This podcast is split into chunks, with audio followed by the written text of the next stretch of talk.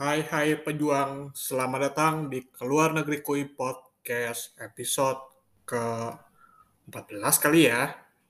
Oke, hari ini gue mau ngebahas satu topik yang cukup menarik, yaitu how many hours do Chinese students study every day? Atau bisa dibilang, berapa jam murid-murid Cina itu uh, belajar dengan rajin gitu. Oke, pertama-tama pastinya kita semua tahu kalau China itu terkenal dengan negara yang tekun, yang atlet itu banyak banget dan pas main juga sampai titik darah penghabisan main semuanya. Yang which is itu salah satu faktornya tuh kayak mereka dari kecil udah didisiplinin sih, jadi mereka bisa kerjain sesuatu dengan kerja keras selama berjam-jam karena habit dan disiplin yang sudah mereka bentuk dari dulu. Dan kebawa juga nih pastinya ke pelajaran karena emang udah didikannya rata-rata begitu. Sampai di kampus saja banyak teman gue yang belajar sampai malam gitu. Makanya mereka kurang ada waktu untuk bergaul dan lain-lainnya. Ya cuma bukan berarti nggak ada yang gaul juga. Banyak yang gaul sampai ke naik live makan malam itu banyak juga. Jadi ya tergantung lingkungan sih lagi-lagi. Ya tapi emang sebagian besar gitu. Oke deh kita langsung aja ngebedah jadwal dari mahasiswa China di sekolah yang gue lihat dari Quora.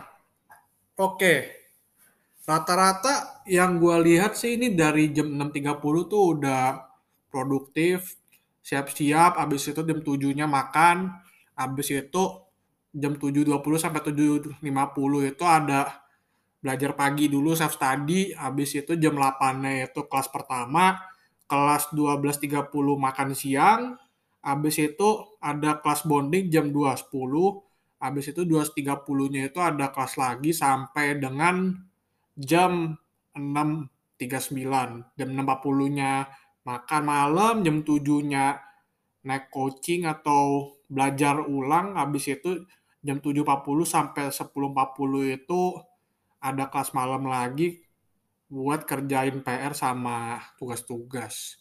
Habis itu jam 11 sampai 11.30-nya itu belajar lagi di DON. Ini self study sih lebih tepatnya.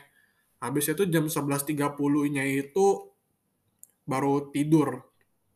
Sampai jam 6.30 lagi. Kalau dipikir-pikir sih memang secara jadwal sekolahan mereka lebih quote-unquote sadis karena mulai dari jam 8 kelar-kelar sampai jam 10.40 malam.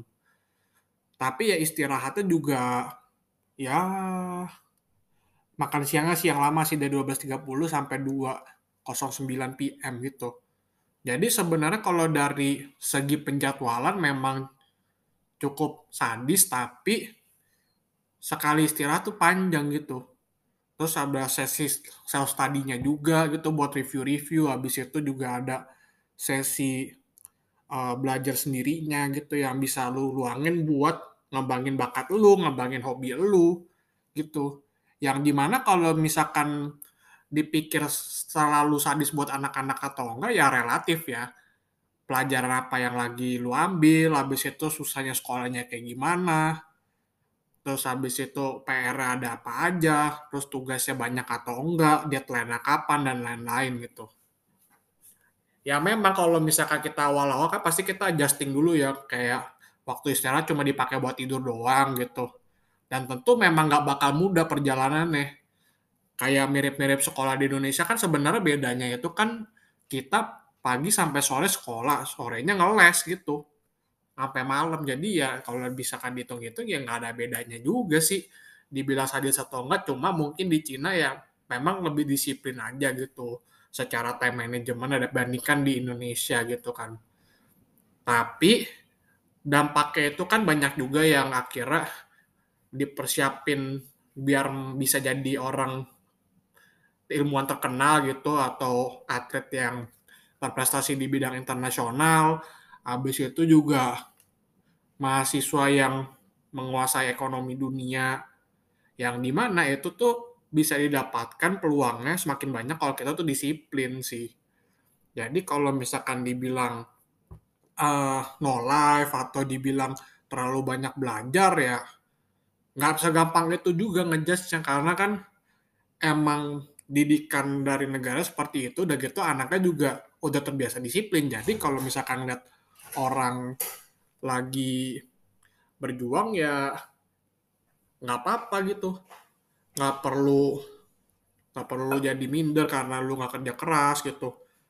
Dan justru yang bener tuh lu belajar dari kedisiplinan mereka tapi nggak emang harus di sekolah. Lu bisa di kerjaan lu lu bisa dikejar mimpi lu bisa juga di uh, ujian-ujian ya. Banyak lah pokoknya yang bisa diterapkan di kehidupan sehari-hari. Jadi ya di samping kontroversi-kontroversi yang ada tentu saja dampaknya tetap baik juga ke depannya. Asalkan lu ngerti cara mengatur waktu energi sama fokus lu sih. Gitu. Ya untuk tips-tipsnya kapan-kapan kali ya gue bahas ya. Sekarang segini dulu aja. Thank you buat lu yang udah dengerin. Semoga lu bisa belajar dari time managementnya murid-murid China.